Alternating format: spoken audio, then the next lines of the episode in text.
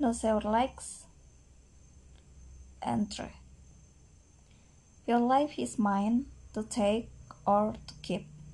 Prolog Langit diselimuti oleh mendung ketika kereta yang Risa tumpangi dari jalan dari Jakarta tiba di stasiun Bogor.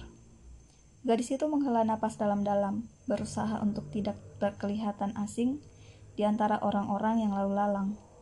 Beberapa orang meliriknya ketika dia berjalan melintasi peron sambil menggeret koper. Mungkin karena dia anak perempuan yang baru naik ke kelas 3 SMA, atau lebih tepatnya baru saja dikeluarkan dari sekolah. Dan bepergian sendiri dengan koper berukuran hampir sebesar tubuhnya. Mungkin juga karena dandanannya yang nyentrik dengan baju dan rok yang sama-sama merah muda. Entahlah, Risa tidak peduli. Sambil mengunyah permen karet, Risa memilih menunggu di salah satu kursi yang berderet dalam stasiun beberapa orang lagi-lagi menatapnya, atau justru menatap pada baju, rok, dan sepatunya yang semuanya merah muda. Dan sekali lagi Risa tidak peduli. Gadis itu justru melirik jam tangannya, lagi-lagi berwarna merah muda, dan menggerutu pelan. Anjir, itu dedemit kecoa kenapa belum sampai juga? Oke, sebelum membuat kalian bertanya-tanya tentang siapa sebenarnya Risa, kenapa dia memakai pakaian serba merah muda, dan siapa dedemit kecoak yang dimaksud olehnya, biar Risa cerit menceritakan sedikit tentang dirinya. Nama lengkapnya Trisana Restria, tapi orang-orang biasa memanggilnya Risa. Risa tinggal dan tumbuh besar di Jakarta hingga umur 8 tahun. Dia tinggal bersama mama, hingga kemudian mama meninggal dalam kecelakaan mobil yang mengharuskan Risa pindah ke, ke rumah milik tantenya. Karena, well, Entah bagaimana, Risa tidak pernah melihat pria yang bisa dia sebut ayah sejak dia dilahirkan. Tidak, ini bukan jenis cerita menyedihkan di mana Risa adalah perempuan baik hati yatim piatu yang akan bertemu dengan CEO kaya, menjalani cerita bak kisah Cinderella, kemudian hidup bahagia selamanya dalam istana dan tumpukan harta. Selain itu, keluarga tantenya juga bukan keluarga jahat, seperti keluarga ibu tiri dalam dongeng Disney. Dua bulan lalu, Risa dikeluarkan dari sekolah karena daftar kenakalannya yang terlalu panjang. Namun sungguh, itu bukan salah Risa. Memangnya salahnya jika tiba-tiba sapu kelas melayang dengan sendirinya dan mengajar Angel saat cewek so cantik itu mengatainya anak yang tidak punya ibu. Satu-satunya yang Risa lakukan hanya terperangah lalu tertawa diam-diam ketika mendapati ada benjol yang bangkit dari dahi rata Angel. Sebatas itu. Ya, tapi mau bagaimana lagi? Berhubung Angel adalah cucu kepala sekolah, maka tentu ujung-ujungnya Risa yang disalahkan. Bagaimanapun juga, benjolan sebesar telur burung unta yang jelek sekali itu tidak akan muncul di jidat Angel, yang lebarnya bisa mengalahkan landasan terbang Bandara Soekarno-Hatta, tanpa sebab yang jelas, iya kan? Karenanya, Risa harus puas dituduh, sudah menghajar Angel, hingga wajah cewek centil itu jadi sejelek pipiot. Risa hampir merasa hidupnya positif hancur. Maksudnya, di zaman sekarang, apa sih yang bisa dilakukan oleh anak lulusan SMP? Risa paling ogah disuruh mencuci piring dan mulutnya terlalu biji untuk jadi penjaga toko. Pindah sekolah? Jangan harap. Keluarga tantenya bukan tipe keluarga kaya yang bisa memindahkannya dari satu sekolah ke sekolah lain dengan mudah. Seaneh penyebab dia dikeluarkan dari sekolah, Seaneh itu pula alasan kenapa masa depan Risa bisa terselamatkan. Ya, kalau memang itu pantas disebut terselamatkan. Siang itu dua hari setelah Risa menerima surat keterangan yang menunjukkan dia dikeluarkan dari sekolah, adik sepupu Risa menangkap seekor kecoak. Kecoak itu berbeda dari kecoak pada umumnya. Menurut Risa, kecoak itu mungkin termasuk dalam kategori kecoak bangsawan karena seluruh tubuhnya putih dengan garis merah terang di bagian tengah. Adik sepupu Risa sempat menyebut kalau kecoak itu adalah kecoak iblis, menjiplak dari mitos yang mengatakan kalau kucing hitam adalah kucing setan, sedangkan kucing putih adalah kucing iblis, dan berniat membunuhnya. Semula Risa tidak peduli hingga dia mendengar kecoak itu berteriak padanya. Jangan bunuh gue, woi. Dasar manusia-manusia keparat yang tidak berperi kecoan. Ini serius.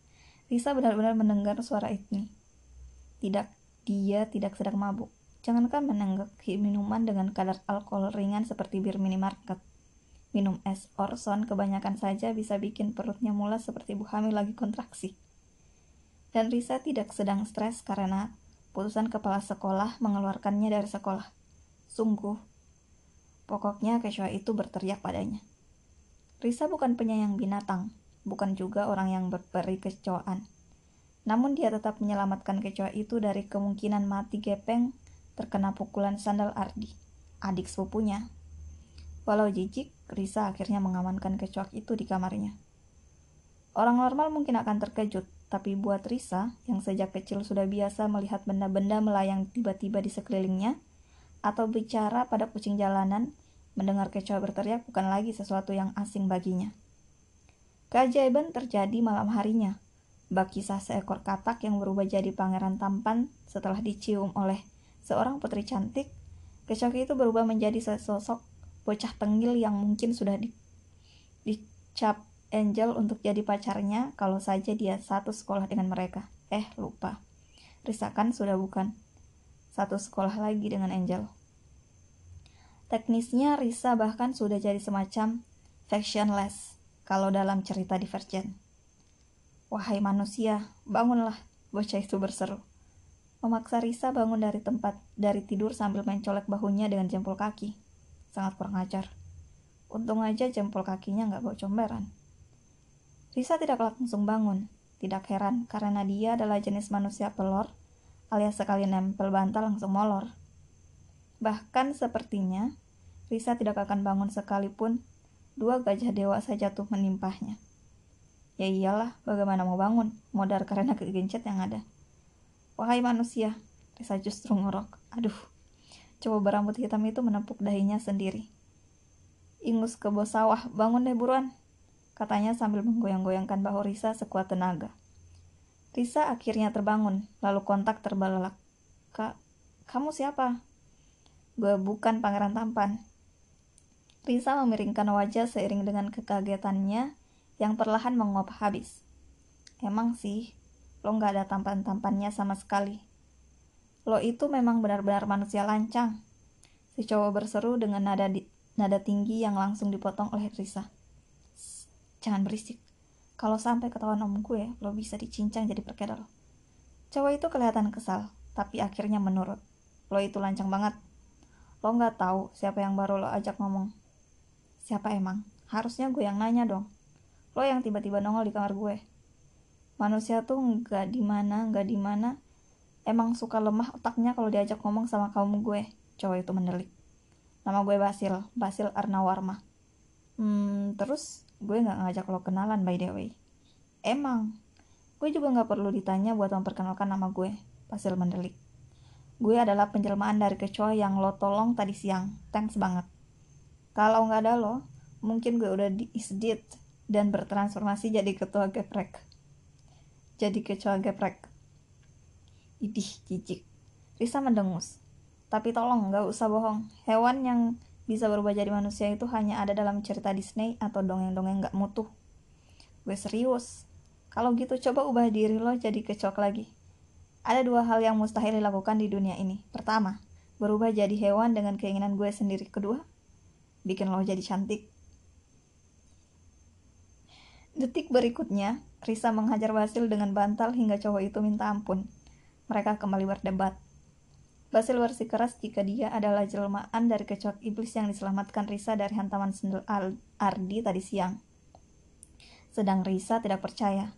Perdebatan mereka yang serupa desis bisik-bisik terhenti tatkala Basil secara tidak sengaja membuat lampu tidur Risa melayang dari atas tempat, dari atas meja. Lantas membuat lampu itu kembali ke tempatnya semula. Hanya dengan satu kibasan tangan, setelah menyaksikan kejadian itu Risa pun percaya.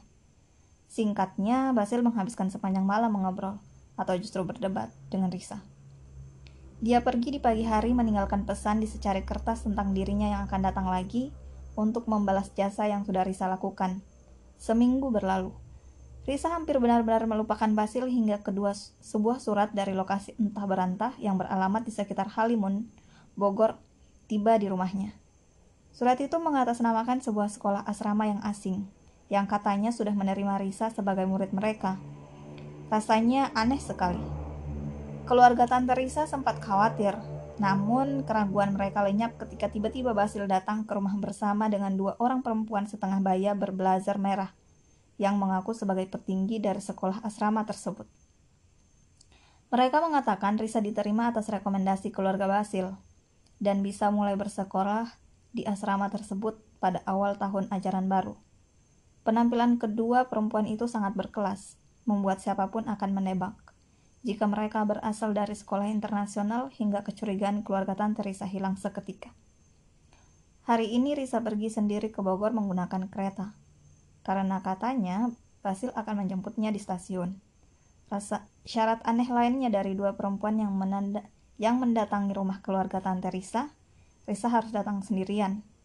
Jadilah dia dibikin berlumut menunggu kedatangan Basil sekarang. Udah lama. Risa hampir saja ketiduran ketika sebuah suara membuatnya terkesiap. Gadis itu menegakkan kepala, mengerjapkan mata saat menyadari sepasang mata milik Basil kini memandangnya. Cowok itu terlihat berbeda dengan kaos lengan panjang warna coklat muda yang dia pakai. Rambutnya disisir ke atas, tidak dibiarkan jatuh di keningnya, sehingga yang terakhir kali ini, seperti yang terakhir kali Risa ingat.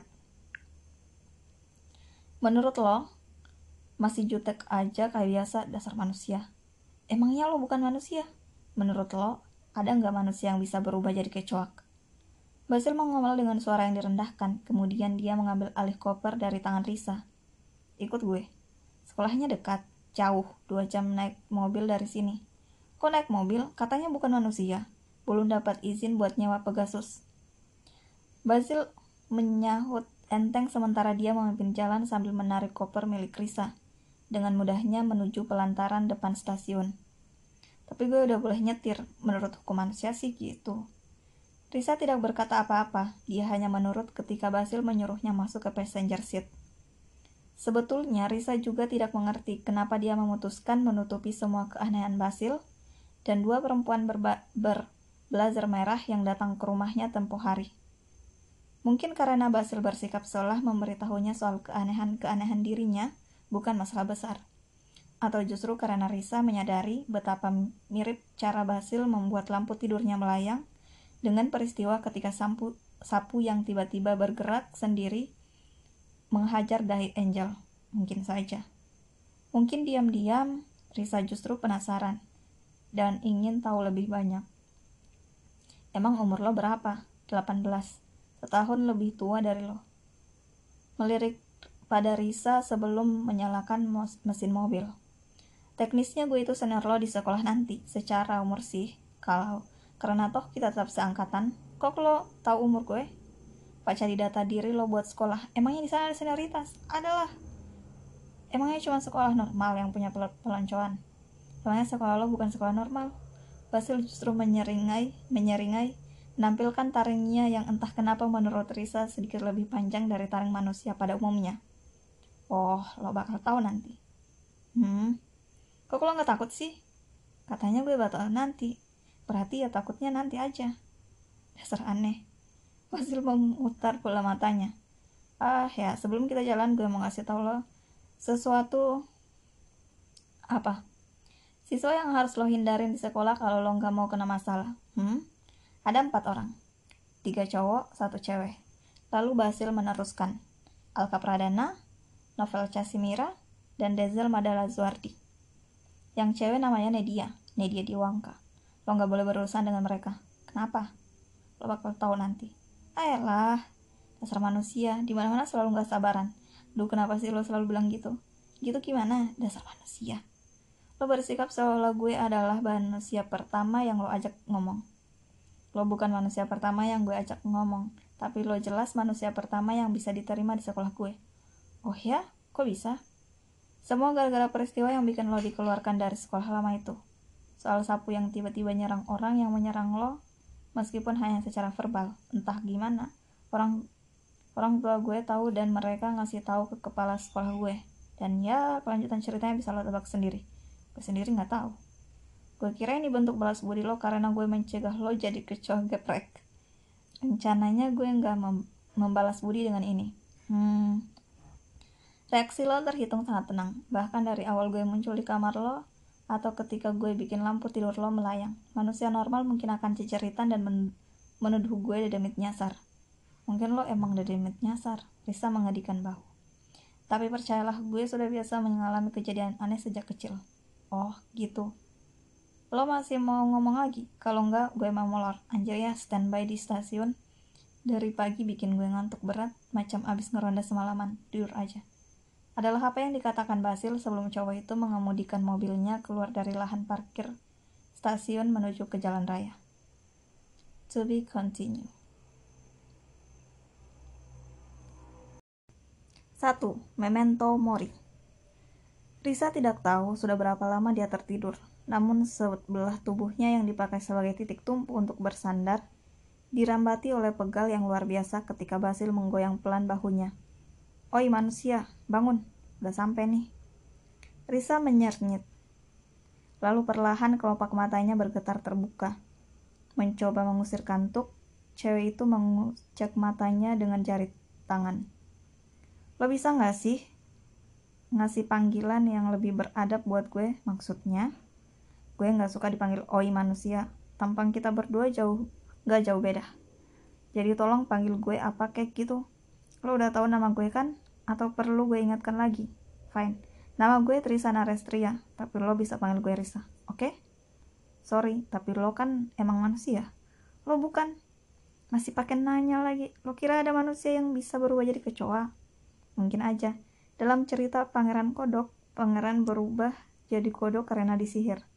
Gue emang disihir sama makhluk tidak bertanggung jawab, tapi gue bukan manusia dan jelas. Gue bukan pangeran kodok. Iya, lo kan pangeran kodok albino. Hmm, iya. Lo kan pangeran kecoak albino. Tolong ya, Man, Risa. Risa mengoreksi cepat, yang akhirnya membuat Basil menyerah. Oke. Okay. Risa, bukan maksud gue merendahkan lo dengan sebutan manusia. Get it? Tapi faktanya memang begitu. Lo adalah manusia pertama yang diterima di sekolah ini. Sekolah tempat kita berada sekarang. Meski gue tahu Gak akan ada manusia yang bisa mengerti bahasa hewan atau bikin sapu melayang sampai jidat cucu kepala sekolah lo itu banyak abis. Tapi gue tahu pasti kalau lo bukan serpen. Serpen. Apaan tuh? Ular. Basil menghela napas lelah. Akan ada banyak sekali yang harus gue ceritain sama lo. Tapi nggak di sini dan bukan sekarang. Terus kenapa mau kalau kayak gitu? Karena serpen dan dan dunia bayangan punya cerita yang sangat panjang. Tapi masih untung sih Soalnya lo terhitung cukup tenang. Manusia pada umumnya pasti akan marah-marah ketakutan begitu melihat gue berubah dari kecoa putih yang hampir penyet kena tamparan sendal jadi cowok ganteng macam gue ini. Ini permulaan bagus. Sudah gue bilang, gue biasa menghadapi keanehan-keanehan yang bahkan bikin almarhum nyokap gue ketakutan sejak gue masih kecil. Risa berdecak. Tapi tolong ya, sikap over percaya diri lo itu ditahan dulu. Pertama, gak ada yang bilang lo ganteng. Kedua, gue nggak setenang itu harus sekolah di kampungan jauh di Mato. Depok aja hitungannya udah jauh buat gue, apalagi lokasi sekolah lo yang jauh dari stasiun Bogor. Kalau saja gue punya pilihan lain alias punya banyak duit, gue lebih milih sekolah di Bekasi yang ada di luar galaksi itu, daripada terdampar di pedalaman Halimun. Apa sih yang bisa gue lihat setiap harinya? Gunung Salak. Nggak sekalian aja suruh gue bikin pabrik air minum. Lo cerewet juga. Makanya jangan dibikin terpelatuk, Basli nyengir. Udah mau sore nih, lo harus buru-buru konfirmasi ke Bu, ke Bu Sugiarto sebelum lo diizinkan masuk ke asrama. Teknisnya, tugas gue adalah menjemput lo dari stasiun doang, tapi karena gue baik dan berhubung gue merasa berhutang budi, karena bagaimanapun juga lo adalah princess penyelamat gue. Jadi gue bakal anterin lo ke asrama. Paling nggak sampai lo ketemu Persie. Persie siapa? Roommate lo teman sekamar lo di asrama selama lo sekolah di sini. Dia bukan manusia, menurut lo? Oh, turun deh. Koper lo biar gue yang ngurusin. Tapi nanti lo sendiri yang tarik sampai ke kamar asrama lo ya. Malas banget gue disuruh narik koper merah jambu. Bisa-bisa kejantanan gue diragukan. Emang udah diragukan, to be honest. Oh, lo nantangin. Pengen ngetes kejantangan kejantanan gue? Boleh, tentukan aja kapan dan di mana. Risa menyernyet jijik. Geli banget sih. Basil tertawa seraya membuka pintu mobil dan melompat turun. Dengan cekatan, cowok itu membuka pintu bagasi yang sementara Risa mengikuti apa yang dia lakukan. Tanah berlapis paving block rapi langsung menyambut Risa begitu dia menjejakkan kakinya keluar dari mobil. Sebelum sedetik berikutnya gadis itu dibikin terpana. Bangunan yang kini berdiri di depan matanya mungkin adalah bangunan paling besar yang Risa lihat selama 17 tahun masa hidupnya. Sekolah lamanya terlihat seperti sepetak tanah sempit tak berarti jika disandingkan dengan bangunan ini. Dengan sekali lihat, Risa bisa menebak jika bangunan itu punya luas yang bisa saja menyaingi luas istana kepresidenan. Dari jauh Risa bisa melihat ada danau luas terbentang di belakang bangunan sekolah. Pohon-pohon tinggi ditanam di tempat-tempat serta sudut-sudut yang sesuai. Secara keseluruhan, bangunan tersebut terkenal, terkesan megah, namun penuh dengan sentuhan vintage yang terkesan misterius. Rasa takjub Risa baru pupus perlahan-lahan ketika tiba-tiba saja Basil menutup mulutnya yang menganga dengan telapak tangan. Refleks, Risa menyingkirkan tangan dingin Basil dengan gerakan kasar. Sang pemilik tangan tidak tersinggung, dia justru malah tertawa. Wajahnya terlihat tengil luar biasa. Jangan kelamaan mangap, nanti kemasukan lalat. Risa menggaruk kepalanya yang tidak gatal tanpa sadar. Bangunan ini kita beneran ada di Indonesia kan? Menurut lo di mana? Lo turun dari stasiun Bogor dan gue secara ajaib membawa ke Praha. Gue hampir berpikir kalau yang gue naikkan tadi adalah Pegasus berwujud mobil. Lisa membalas ejekan Basil. Gila sih, ini beneran di Bogor. Maksud gue, kok nggak pernah masuk TV ya? Karena tempat ini nggak akan bisa dimasuki sama manusia kecuali manusia itu diberi izin untuk masuk. Basil menukas.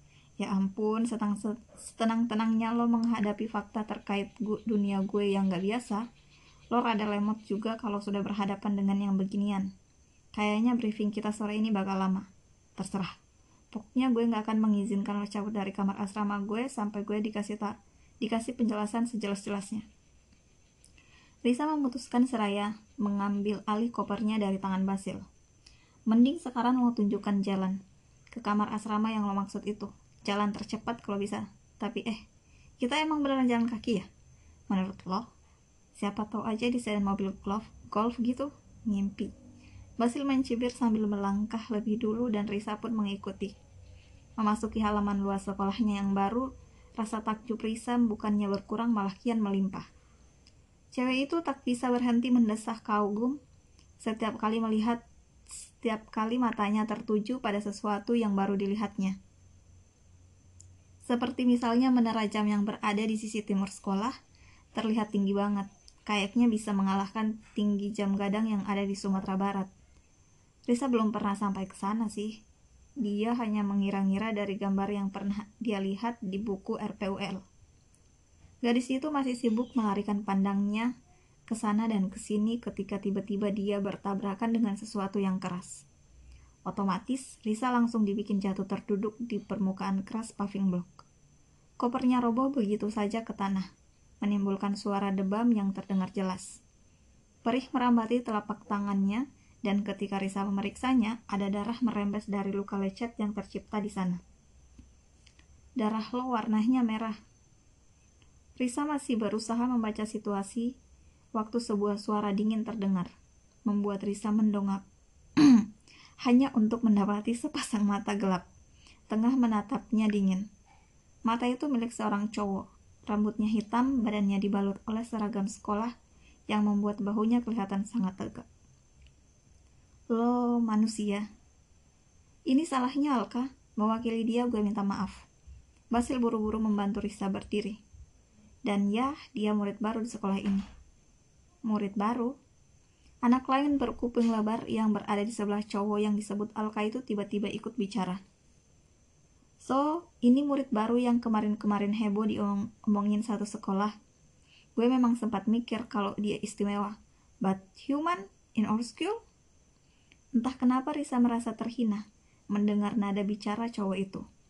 Gue justru ragu pada awalnya, tapi ini semua keputusan Ibu Ivy. Basil menyebut nama kepala sekolah mereka. I'm so sorry Denzel, Gak akan terjadi lagi, gue janji. Melihat Basil yang bersikap seperti itu, tanpa sadar Risa justru melontarkan protes. Apa sih? Kenapa harus Basil yang repot-repot minta maaf? Orang yang jatuh dan luka sampai kayak gini kan gue. Harusnya kalian yang minta maaf sama gue dan Basil. Maaf, nggak ada dalam kamus kita. Cowok lainnya yang bisa Risa tebak bernama Novel tak mau ketinggalan ikut bicara. Berbeda dengan Alka dan Denzel yang terdengar sinis, Novel terlihat masa bodoh namun di saat yang sama tampak amat dingin. Harusnya lo yang minta maaf, lo hampir menabrak Nedia. Hampir. Kenyataannya Nedia yang manis ini masih berdiri tegak sementara gue sudah punya luka lecet di tangan. Filthy human. Alka mencibir. Menatap gue sekali lagi sambil memimpin jalan sementara dua temannya menggeret sesosok cewek mungil berkulit putih bernama Nedia itu. Pastiin dia nggak akan ganggu gue dan yang lainnya. Apalagi kalau sampai ganggu Nedia. She'll be dead mate. Pasti. Basil langsung menyambar ucapan Alka dengan sigap. Lantas mereka pun berlalu dalam langkah-langkah tegak yang terkesan sangat angkuh. Basil! Risa berseru jengkel ketika sosok-sosok menyebalkan penyambutnya sudah betul-betul tidak terlihat lagi. Lo harus kasih gue penjelasan, banyak penjelasan. Gue tahu. Basil menghela napas selalu meraih kedua telapak tangan Risa untuk mengamati lukanya. Tapi lo luka, kita harus obatin ini dulu. Mending kita buru-buru ke kamar asrama lo sekarang, oke? Okay? Fine. Au, sakit banget gila. Obat apa yang baru oles baru olesin di luka gue? Lisa berusaha terdengar sesopan mungkin, namun dia tetap saja terdengar geram bercampur curiga. Untung saja cewek mungil berwajah oriental di depannya terlihat sabar. Cewek itu namanya Persimon, atau biasa dipanggil Persie. Hanya menarik napas dalam seraya, memperlembut sentuhannya pada permukaan kulit Risa yang lecet. Salat luka ini dibikin sendiri sama Bu Intan, kepala unit kesehatan di sekolah ini. Normalnya, luka serpen biasa sembuh dalam hitungan detik, tapi karena lo mm, manusia mungkin butuh sehari penuh. Masih lebih bagus dari betadine berarti. Risa mengangguk pahan sebelum berpaling pada Basil yang tengah duduk di atas meja belajarnya yang masih kosong. Sorry, Tadi gue kurang fokus karena perih. Bisa nggak lo ulangi cerita lagi? Makanya, tadi kan gue sudah bilang, mending gue mulai cerita waktu luka lo udah kelar di tangan nih. Tapi ya sudahlah, Basil mengalah. Jadi sekolah ini bukan sekolah buat manusia, tapi memang cuma buat kaum gue dan kaum sejenisnya. Lo tahu, dunia kita ini terbagi ke dalam tiga, ke dalam banyak dunia. Dunia pertama adalah dunia manusia yang lo kenal, di sana manusia lahir, hidup dan berkembang biak. Dunia kedua adalah tempat di mana makhluk-makhluk immortal kayak hantu, malaikat, iblis, dan sang pencipta berada. Dimensi itu susah ditembus oleh makhluk mortal, entah itu manusia ataupun makhluk mortal seperti kamu gue dan sejenisnya. Mortal, berarti lo bisa mati. Pada akhirnya kita semua akan mati, Risa. Meski jelas kamu gue punya umur lebih panjang dari manusia. We must die. Itulah arti dari kalimat Latin yang jadi moto sekolah ini sekaligus moto buat klan di Wangka. Memento mori. Remember that you will die. Sampai di sini lo ngerti. I'm okay, terusan cerita lo. Seperti yang gue bilang, dimensi kedua susah ditembus, tapi bukan berarti nggak bisa diintip oleh makhluk mortal seperti kita. Lo tahu, ada manusia yang diberkahi kemampuan khusus untuk bisa melihat hantu dan merasakan energi mereka. Kebanyakan mungkin gak sehebat itu sampai bisa melihat iblis dan malaikat. Tapi kalau iblis dan malaikat mengizinkan diri mereka untuk dilihat, maka makhluk mortal pun bisa melihat mereka. Emang ada yang pernah melihat iblis dan malaikat? Cukup banyak, tapi yang pernah berkomunikasi intens dengan para iblis utama mungkin hanya satu orang. Dia bahkan berkomunikasi dengan Noir. She is pretty famous in both my world and second dimension world. Her name is Oriana Suci Laksita. You know her? Sorry ya. Tapi ada 7 miliar manusia di dunia. Kalau ngapal menteri kabinet sekarang aja gue nggak lancar. Apalagi mengingat siapa tadi namanya? Never mind that. Intinya begitu. Manusia menyebut mereka yang bisa berkomunikasi dengan dimensi kedua sebagai indigo atau apalah itu. Tapi hampir nggak ada manusia yang benar-benar bisa berkomunikasi dengan dimensi ketiga, di mana ada kaum gue dan sejenisnya kaum lo dan sejenisnya tuh apa maksudnya? Makhluk bayangan. Serpen adalah salah satunya, artinya ular. Lo pernah baca cerita Adam dan Hawa? Sosok iblis yang merayu mereka buat memakan buah terlarang digambarkan dengan sosok ular. Serpen adalah makhluk dunia bayangan yang tercipta sebagai hukuman buat ular tersebut. Selain kami, ada banyak makhluk dunia bayangan yang lain. Buat para malaikat dan iblis, makhluk dimensi ketiga itu ada karena kesalahan-kesalahan mereka. Kalau gitu, apa yang bikin bocah-bocah tadi ngerasa kalau mereka lebih tinggi dari gue hanya karena gue manusia? Pertama, Serpen hidup dengan cara bangsawan, berbeda dengan manusia zaman sekarang. Ada dua klan yang dapat berpengaruh di dunia kaum gue. Pertama, adalah klan Diwangka. Yes, you heard it right. Nadia itu putri tunggal klan Diwangka. Dia yang kelak akan menggantikan posisi orang tuanya sebagai petinggi klan kalau orang tuanya sudah nggak ada nanti. Dia kayak semacam tuan putri di dunia. Dan tiga cowok adalah adalah pengawal sekaligus temannya. Mereka berada di posisi sosial yang tinggi di mana para serpen termasuk di, dun di mata penghuni sekolah ini. Makanya gue gak mau terlibat urusan dengan mereka. Basil menerangkan. Kedua, serpen gak hidup abadi, tapi umur mereka lebih panjang dari manusia. Mereka bisa hidup sampai seribu tahun kalau mereka mau, tapi jarangnya sih gak ada yang sudah hidup selama itu. Kenapa? Karena hidup itu penjara, Risa. Dunia ini memang indah, tapi nggak cukup indah untuk bisa membuat lo kepingin hidup selamanya. Risa terdiam. Klan kedua adalah klan Kathmandu. Mereka berada di ujung dunia yang lain, entah masih di Asia atau sudah berpindah markas ke Eropa. Gue nggak peduli. Indonesia termasuk daerah kekuasaan klan di Wangka. Jadi mereka memilih membuat sekolah untuk kaum kami di Halimun. Semua keluarga yang ada di sekolah ini ada di bawah aturan klan di Wangka. Sampai di sini lo ngerti. Gue ngerti. Tapi terus, kalau gitu kenapa gue bisa diizinkan sekolah di sini? Soal itu gue nggak tahu. Kepala sekolah mungkin punya alasan sendiri yang gak bisa dia beritahukan ke, ke orang banyak.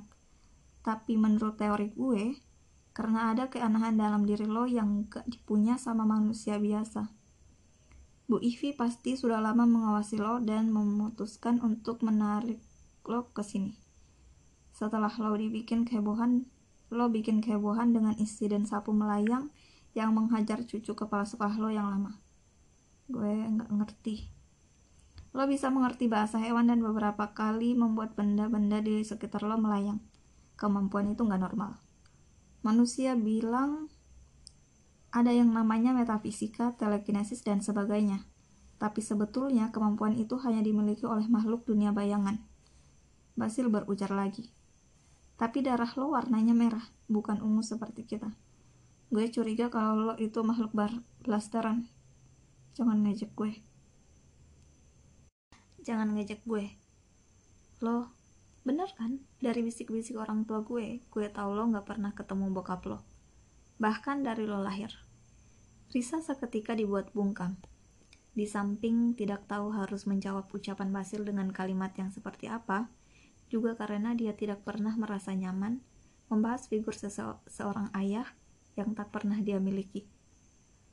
Dulu waktu TK, Risa pernah bertanya tentang ayah pada mendiang mama. Mama menangis keras sekali waktu itu, dan Risa merasa membahas ayah adalah sebuah kesalahan. Pada akhirnya Risa berdaham sebelum kecanggungan kian mewarnai ruangan itu. Boleh gue tanya satu pertanyaan lagi? Apa? Kenapa lo bisa berubah jadi kecoak? Wajah Basil seketika merapadam membuat Risa tersenyum puas. Pada akhirnya Basil tetap menjawab walau terbata. Gue gak sengaja mergokin Lucifer di taman abang, tanah abang. Dia lagi nyamar dan sedang sibuk membeli batik warna ungu. Kesal karena kepergok, dia malah mengubah gue jadi kecoak.